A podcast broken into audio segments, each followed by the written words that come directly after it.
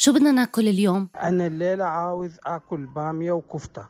أنا كليت عيش دياي ودقوس. بدي آكل بيتزا. طبيخة فاصوليا خضراء ورز بلاو مبطن. أنا النهاردة عايز آكل ملوخية ورقاق باللحمة.